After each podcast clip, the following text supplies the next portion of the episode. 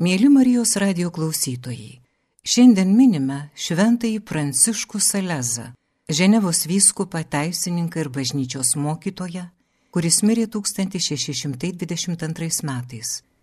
Šis ganytojas kartu su šventaja Jona Pranciška Šantalite įsteigė švenčiausiosios mergelės Marijos apsilankimo seserų vienuolyje, buvo daugelio žmonių dvasinis palydėtojas. Jo dvasinio gyvenimo patarimai pritaikyti visiems žmonėms ir išleisti knygoje įvadas į dvasinį gyvenimą arba filotėją. Šis veikalas paplito po visą pasaulį ir nepraranda aktualumo iki šioliai. Pasiklausykime ištraukos iš šio ganytojo raštų. Skaito diktori Violeta Mitskevičiūtė. Šventasis Pranciškus Salezas - Mąstymo maldos metodika. Pirmas skyrius. Apie maldos reikalingumą. Pirma. Niekas taip nevalo mūsų proto nuo nežinojimo ir valios nuo piktų palinkimų kaip malda, nes jie apšviečia protą Dievo šviesa ir skaistumu, o valia uždega dangaus meilės ugnimi.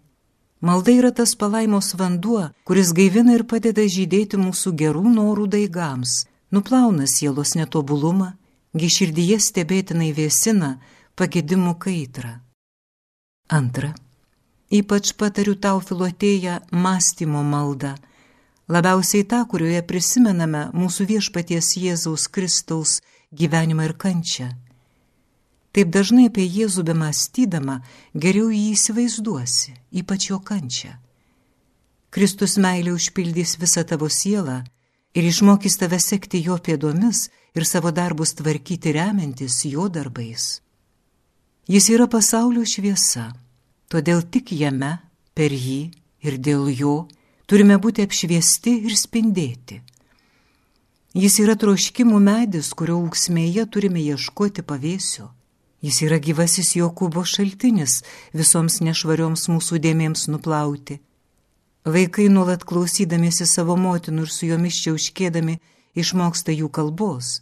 Mes, bemastydami apie mūsų išganytoją ir gyvendami su juo susivienyje, klausydamiesi jo žodžių, domėdamiesi jo darbais, skatinami jo meilės, jo maloniai padedant, išmoksime kalbėti, elgtis ir norėti taip kaip jis. Pasižadėk ir tu filotėja panašiai elgtis Tikėk manimi, vien tik per tas duris te galima įeiti pas dangaus tėvą. Kaip veidrodyje negalėtų atsispindėti mūsų atvaizdas, jei stiklas iš kitos pusės nebūtų padengtas švinu, taip ir mes niekuomet nesugebėtume regėti dievystės, jei ji nebūtų susijungusi su mūsų išganytojo žmogyste. Jo gyvenimas ir mirtis yra geriausiai suprantami dalykai, kurių apmąstymas mums teikia daugiausia malonumo, saldumo ir naudos. Neveltui išganytojas pats save pavadino gyvąją duoną nužengusią iš dangaus. Evangelija pagal Joną 6.48. Nes kaip mėsą paprastai valgome su duona, taip ir kiekvienoje maldoje bei darbe savo mintimis ir širdimi turime ieškoti ir trokšti Jėzaus.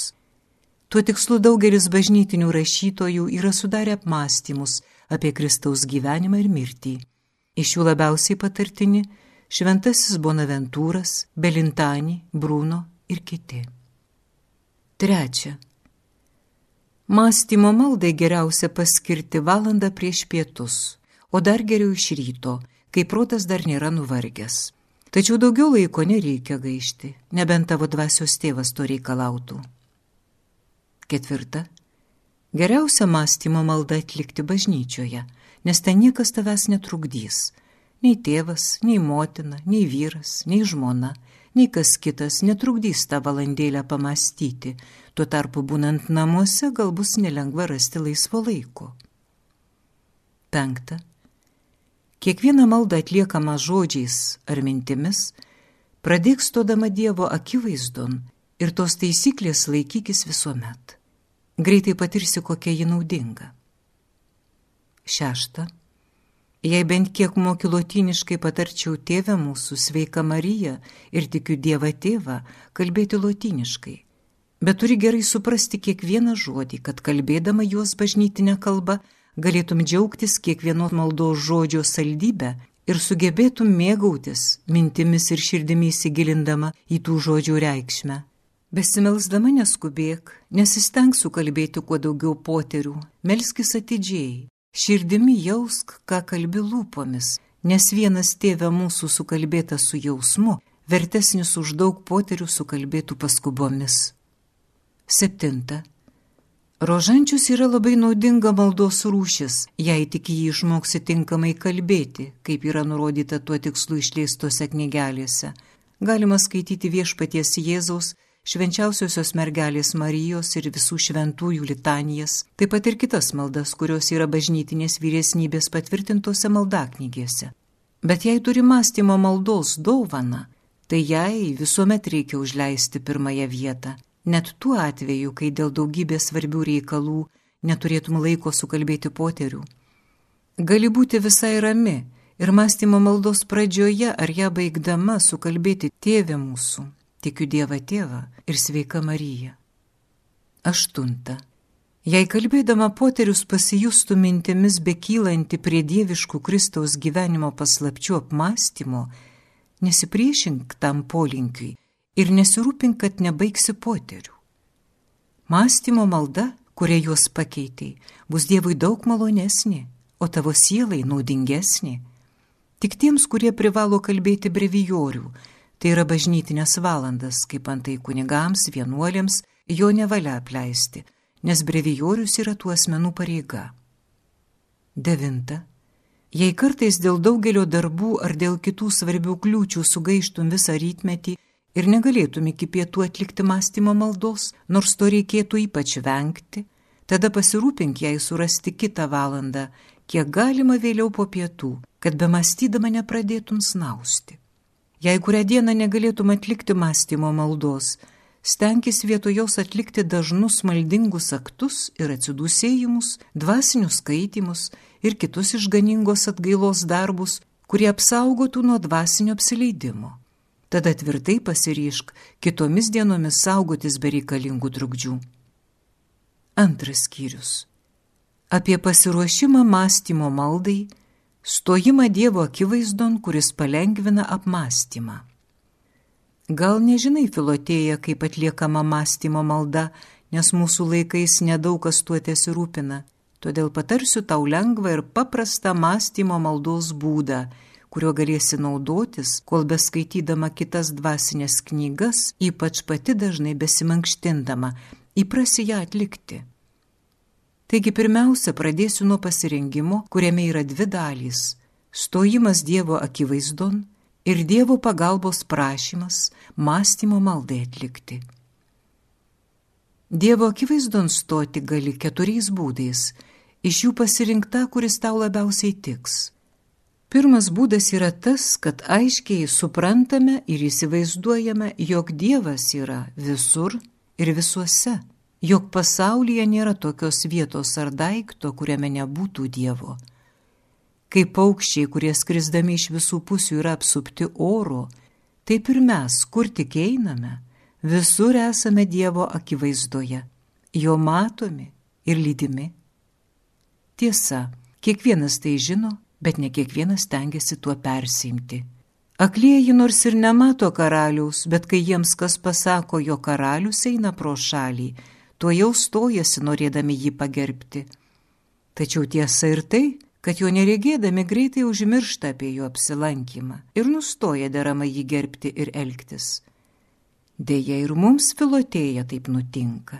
Nematydami Dievo šalia savęs, neregėdami jo savo akimis, Nors tikėjimas ir perspėja apie Dievo buvimą, užmirštame, kad Jis yra visur, kad mes jame gyvename, judame ir esame.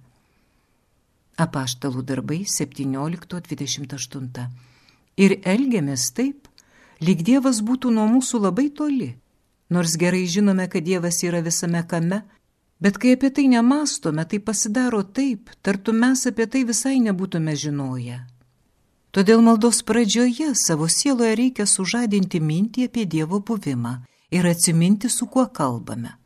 Taip manė Dovydas šaukdamas, jei į dangų žengčiau, tu būtum ten, jei šiaole pasikločiau lovą, tu būtum ten. Psalmis 139.8. Turime gerai įsidėmėti tą Jokūbo pasakymą, kokia baugi ši vieta, tai nekas kita kaip tik Dievo namai ir dangaus vartai. Pradžios knyga 28.17. Tai žodžiais patriarchas Jokūbas norėjo išreikšti savo apgailestavimą, kad neatsiminė apie Dievo buvimą visur ir visame kame, nors tai gerai žinojo. Todėl filotėja, pradėdama maldą, šauk visą širdimi ir savo širdžiai, mano širdyje, Dievas čia iš tiesų yra.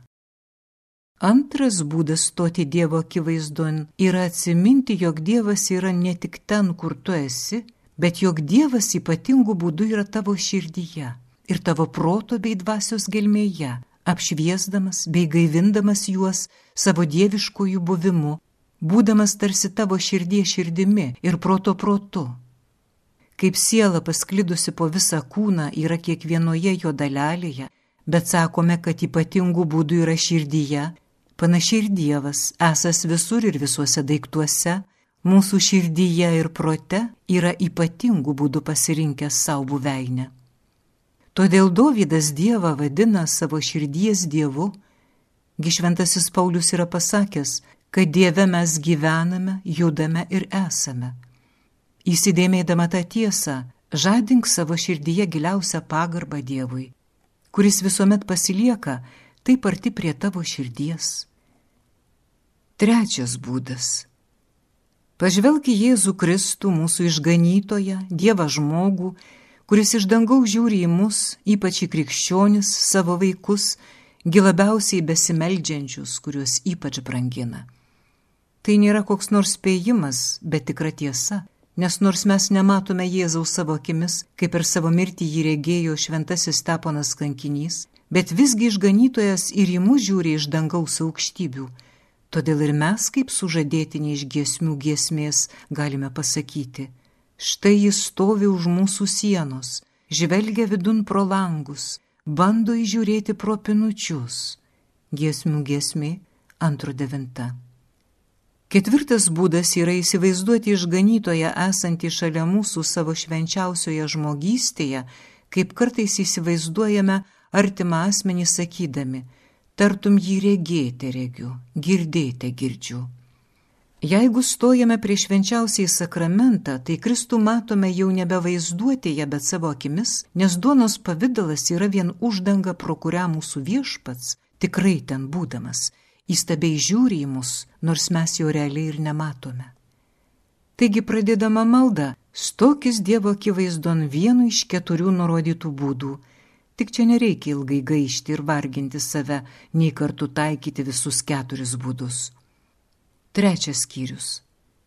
Apie Dievo pagalbos prašymą, kuris yra antroji gero pasirinkimo maldai sąlyga.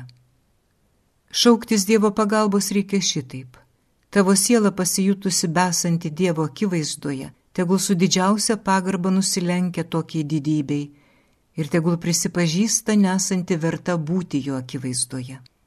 Tačiau su didžiausiu pasitikėjimu, remdamasi begaliniu Dievo gerumu ir numanydama, jog Dievas to nori, melsk jį pagalbos mąstymo maldai atlikti dėl didesnės Dievo garbės.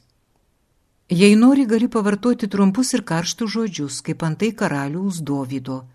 Nugręžk savo veidą nuo mano nuodėmių ir panaikink visas mano kaltes sukurk man tyrą širdį Dievę ir atnaujink manyje ištikimą dvasę. Nevaryk manęs nuo savo artumo, nenuimk nuo manęs savo dvasios šventosios. Leisk man vis džiaugtis tavo išganimu, te palaiko mane nori dvasia. Psalmis 51, 11-14. Ir panašiai.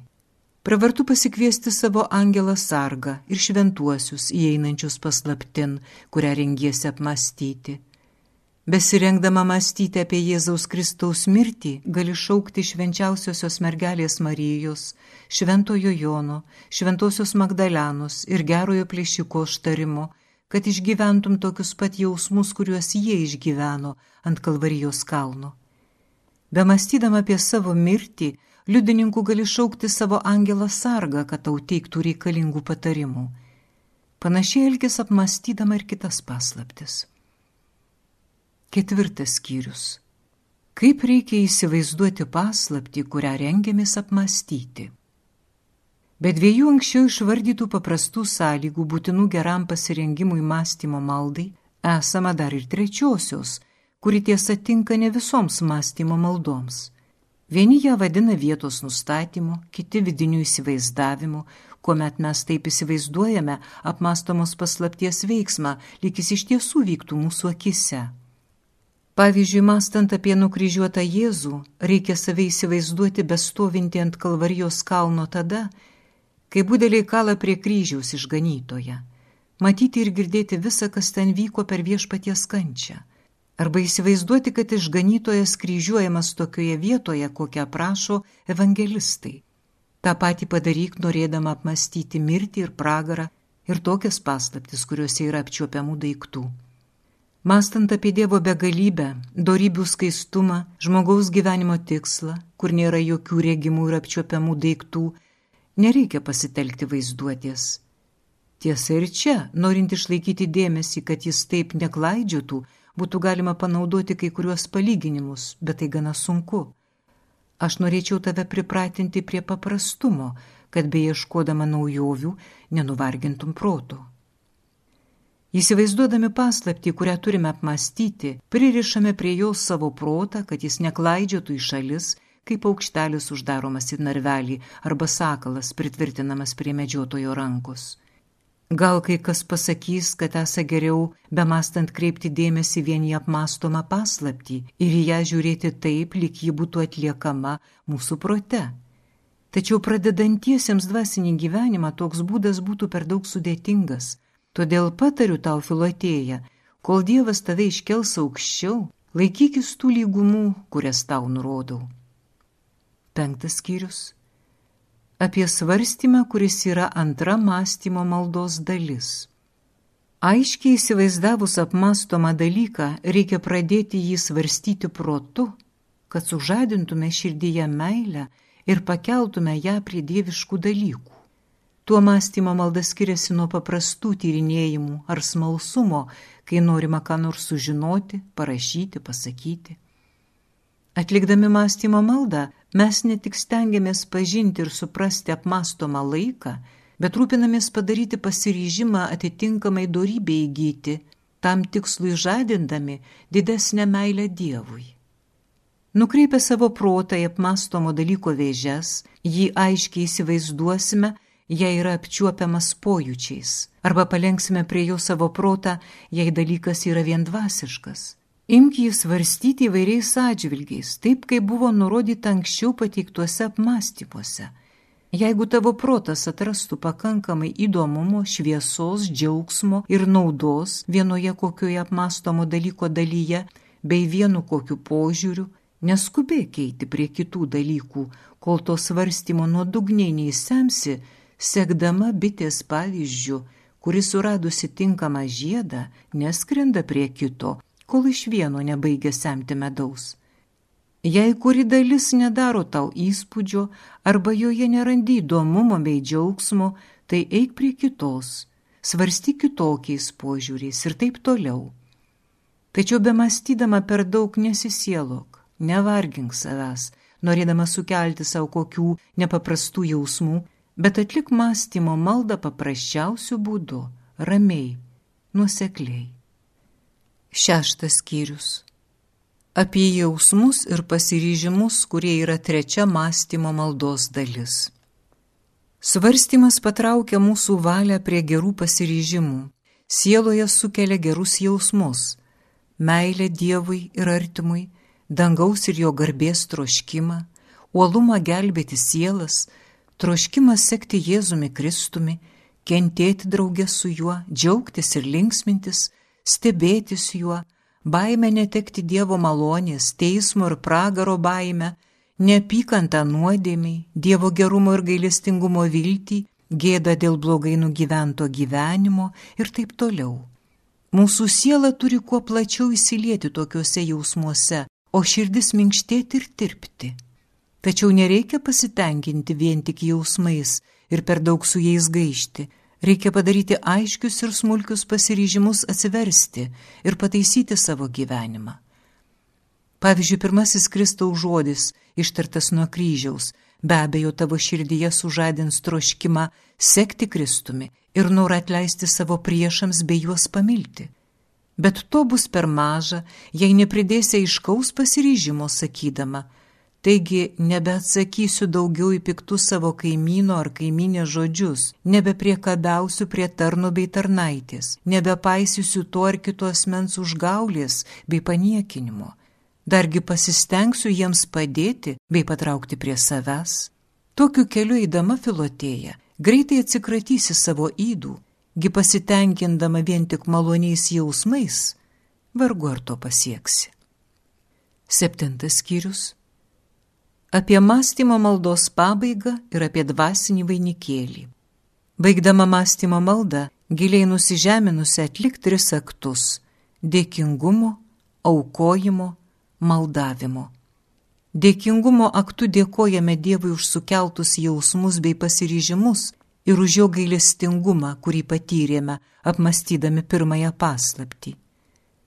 Aukojimo aktu Pavedame Dievui jo sūnaus gerumą, gailestingumą, mirtį, kraują, dorybės ir nuopelnus, o draugė su jais savo jausmus ir pasiryžimus. Maldavimo aktu prašome, meldžiame Dievą, kad mus padarytų savo sūnaus malonių ir nuopelnų dalininkais, kad palaimintų mūsų jausmus ir pasiryžimus ir teiktųsi duoti stiprybės bei ištvermės reikalingos jiems įvykdyti.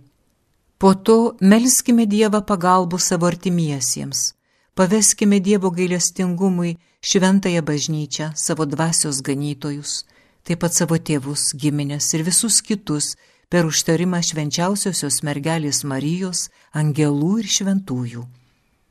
Pagaliau sukalbėk tėvę mūsų ir sveika Marija, nes tai yra būtina ir visuotina visų tikinčiųjų malda. Tai atlikus reikia, kaip jau buvo sakyta, surinkti svarbiausias mintis ir jausmus kilusius per mąstymo maldą ir sudaryti iš jų dvasinį vainikėlį, tų minčių bei jausmų rinkinėlį, kad jie taip greitai neišnyktų ir nebūtų užmiršti. Mat kiekvienam, kuris vaikšto puikiame darželyje, norisi nusiskinti nors keletą gėlelių ir parsinešti jas namo, kad ir ten būtų galima pasidžiaugti jų kvapu ir grožiu. Taip ir mūsų protas, per mąstymo maldą apžvelgęs kokią paslapti, turi pasirinkti vieną, dvi, tris tiesas, kurios daugiausia sudomino bei sužadino gilesnių jausmų, jas išlaikyti savo širdyje bei atsiminti per visą dieną, jų kvapu gaivinant mąstymo maldos sužadintus jausmus. Tai geriausia padaryti toje pačioje vietoje, kurioje atlikome mąstymo maldą po viso to naudinga dar valandėlę pasilikti vienai pačiai. Aštuntas skyrius. Keletas naudingų patarimų. Svarbiausia atsiminti per mąstymo maldą padarytus nutarimus bei pasiryžimus, kad juos per dieną būtų galima vykdyti. Per mąstymo maldą priimtų nutarimų vykdymas yra svarbiausias jos vaisius. Bet to malda būtų ne tik nenaudinga, bet dargi kenksminga, nes apmastytos bet neįvykdytos dorybės išpučia mūsų protą, sukelia didybę ir mums ima atrodyti, kad jau esame tokie, kokie norime ir kokiais pasiryžome būti. Mes iš tiesų tokie taptume, jei pasiryžimas būtų tvirtas ir gyvas. Bet jeigu nesugebame jo įvykdyti, vadinasi, tas pasiryžimas nebuvo toks, koks turėtų būti.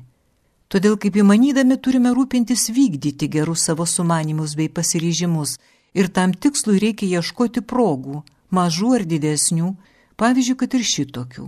Jei esu nutaręs palengti prie save širdis tų, kurie mane užgauliotavo, tai stengsiuosi su jais šiandien susitikti, juos maloniai užkalbinsiu, jeigu jų nesuraščiau, tai bent kitiems apie juos gerai kalbėsiu ir už juos nuoširdžiai pasimelsiu. Baigusi mąstymo maldą, saugok širdį, kad neužgautum ko nors priešingų, kad neišlietų mąstymo maldos balzamo, kuris per ją susikaupė širdyje. Vadinasi, užbaigus maldą reikia, jei įmanoma, dar kurį laiką išlaikyti tylą ir nuo maldos pereiti prie darbo, kiek galima ilgiau išlaikant mintis ir jausmus įgytus per ją. Jei kas puikiu porceleniniu indu pasisėmęs brangios alyvos neštų namo, be abejo eitų palengvai ir atsargiai, nesidairydamas nei kairien, nei dešinien, bet žiūrėdamas į kelią, kad neužkliūtų kur už akmens ir nesukluptų, taip pat saugodamas indą, kad jo nepakreiptų ir neišpiltų brangaus kyščio. Ta pati reikia daryti einant iš bažnyčios.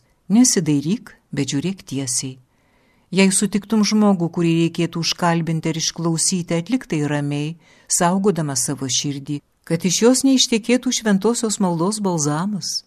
Tačiau reikia pratintis nuo maldos pereiti prie būtinų darbų bei savo pašaukimo, prie savo amato sėmimų taip, kad jie tuoj nesunaikintų maldos vaisių, tai yra gerų minčių bei jausmų, gautų meldžiantis.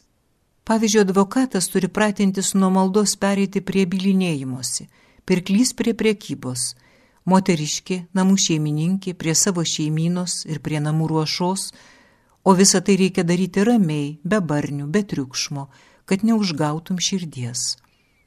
Jeigu ir vienas ir kitas, malda ir darbas yra vykdomi pagal Dievo valią, reikia ir vieną ir kitą atlikti vienodai, Dievo baimingai ir nužemintai. Ir nuo vieno prie kito eiti lygiai, ramiai. Taip pat žinau, kad kartais gali atsitikti, kad pasirengus mąstymui arba jam besirengiant visi jausmai pakyla prie Dievo ir tave sujaudina. Tada filotėja, netrukdyk tiems jausmams ir leisk jiems plėtotis, nors jie ir atsirado anksčiau nei buvo nustatyta mąstymo tvarkos. Tiesa, pagal mąstymo maldos taisyklės reikia pirmiau apsvarstyti dalyką, paskiau sužadinti jausmus. Bet jeigu šventoji dvasia kursto tavyje tuos jausmus dar prieš pradėjus svarstyti dalyką, tai jau daugiau nebevargink savęs tuo svarstymu, nes jis yra atliekamas vien tam, kad sužadintų jausmus. Jei kils tokie jausmai, užeis susigaudinimas, priimk juos ir užleisk jiems pirmutinę vietą, vis vien ar jie kiltų prieš mąstymo maldą, per ją ar jos pabaigoje. Jeigu jausmų sužadinimą nukėliau į maldos pabaigą, tai padariau taip vien dėl to, kad įskirščiau mąstymo maldos dalis. Tačiau bendra taisyklė yra tokia, kad niekada nereikia slopinti jausmų, reikia leisti jiems plėtotis, jei jie kyla. Tai, ką sakiau apie gerus jausmus, taikytina ir dėkojimui, aukojimui, maldavimui, kuriuos galima atlikti ir per mąstymo maldą, bet užbaigus ją reikia juos pakartoti. Pasiryžimus reikia priimti baigiant maldą prieš pat pabaigą. Mat darant pasiryžimus ir nutarimus, reikia turėti omenyje ir atsiminti žinomus daiktus, pažįstamus asmenis, o per tai mūsų mintys galėtų nukrypti nuo apmastomo dalyko ir įsiblaškytų šventi jausmai, jeigu juos imtų maišyti su žemiškais reikalais, galvodamas, kaip juos atlikti, ištaisyti savo klaidas ir taip toliau. Žadinant jausmus ir pasiryžimus, naudinga yra mintimis šnekėtis bei kreipti širdimi į Jėzų, į angelus, į asmenis, kurie įeina į apmastomą paslapti, taip pat į šventuosius, net į save, į nusidėjėlius, į kūrinius, net negyvus, kaip yra daręs Dovydas savo psalmėse, o šventieji savo apmąstymuose. Devintas skyrius. Apie dvasios prislėgimus pasitaikančius per mąstymo maldą. Jeigu atliekant mąstymo maldą užeitų sausra ar dvasios prislėgimas, jei nejaustum jokio džiaugsmo ir susijaudinimo, per daug nesirūpink. Atsidus kokiu žodžiu ir pasiskūsk savo viešpačiu ir Dievui, Prisipažink esas menkas ir niekam tikęs sutvėrimas. Melsk pagalbos, bučiuo kryžių, jei turi prie savęs, ir sakyk kartu su Jokūbu. Paleisiu tave tik, kai mane palaiminsi. Pradžios knyga 32-27. Arba atsiliep kaip kananėti moteris, taip viešpatie, bet ir šunyčiai ėda trupinius, nukritusius nuo šeimininkų stalo. Evangelija pagal Mata 15-27. Arba pasink dvasinę knygą ir atidžiai skaityk, kol tavo protas įsiblaivys ir nurims. Jei ne, tai širdies jausmų žadink pamaldžia kūno padėtimi, guldama kryžiumi, kryžiumi sudėdama rankas arba bučiuodama kryžių, žinoma, jeigu esi viena. Jei ir tai nepadėtų ir nepatirtum jokio džiaugsmo, tai nors prislėgimas būtų ir labai įkyrus, nesisielok ir nesiliauk kantriai ir nužemintai maldauti viešpatį pasigailėjimo ir būk pamaldžioje padėtyje. Daugybė valdininkų ir tarnautojų kasdien eina į karaliaus rūmus, visai nesitikėdami su juo pasišnekėti, bet vien dėl to, kad jį regėtų ir jam pareikštų pagarbą. Taip ir mes, filotėje, turime eiti melstis vien dėl to, kad pagarbintume Dievą ir jam pareikštume savo ištikimybę. Jei Dievui patiktų į mus prabilti per šventus įkvėpimus, su mumis pabūti per vidinius džiaugsmus, be abejo tai būtų didelė garbė ir laimė. Bet jeigu Dievas nesiteiktų mūsų apdovanoti tokią malonę ir visai mūsų neužkalbintų, lyg būtų mūsų nematęs ir lyg mūsų visai nebūtų jo akivaizdoje, tai vis tiek nereikia jo šalintis, bet ramiai ir nusižeminus laukti jo pasigailėjimo.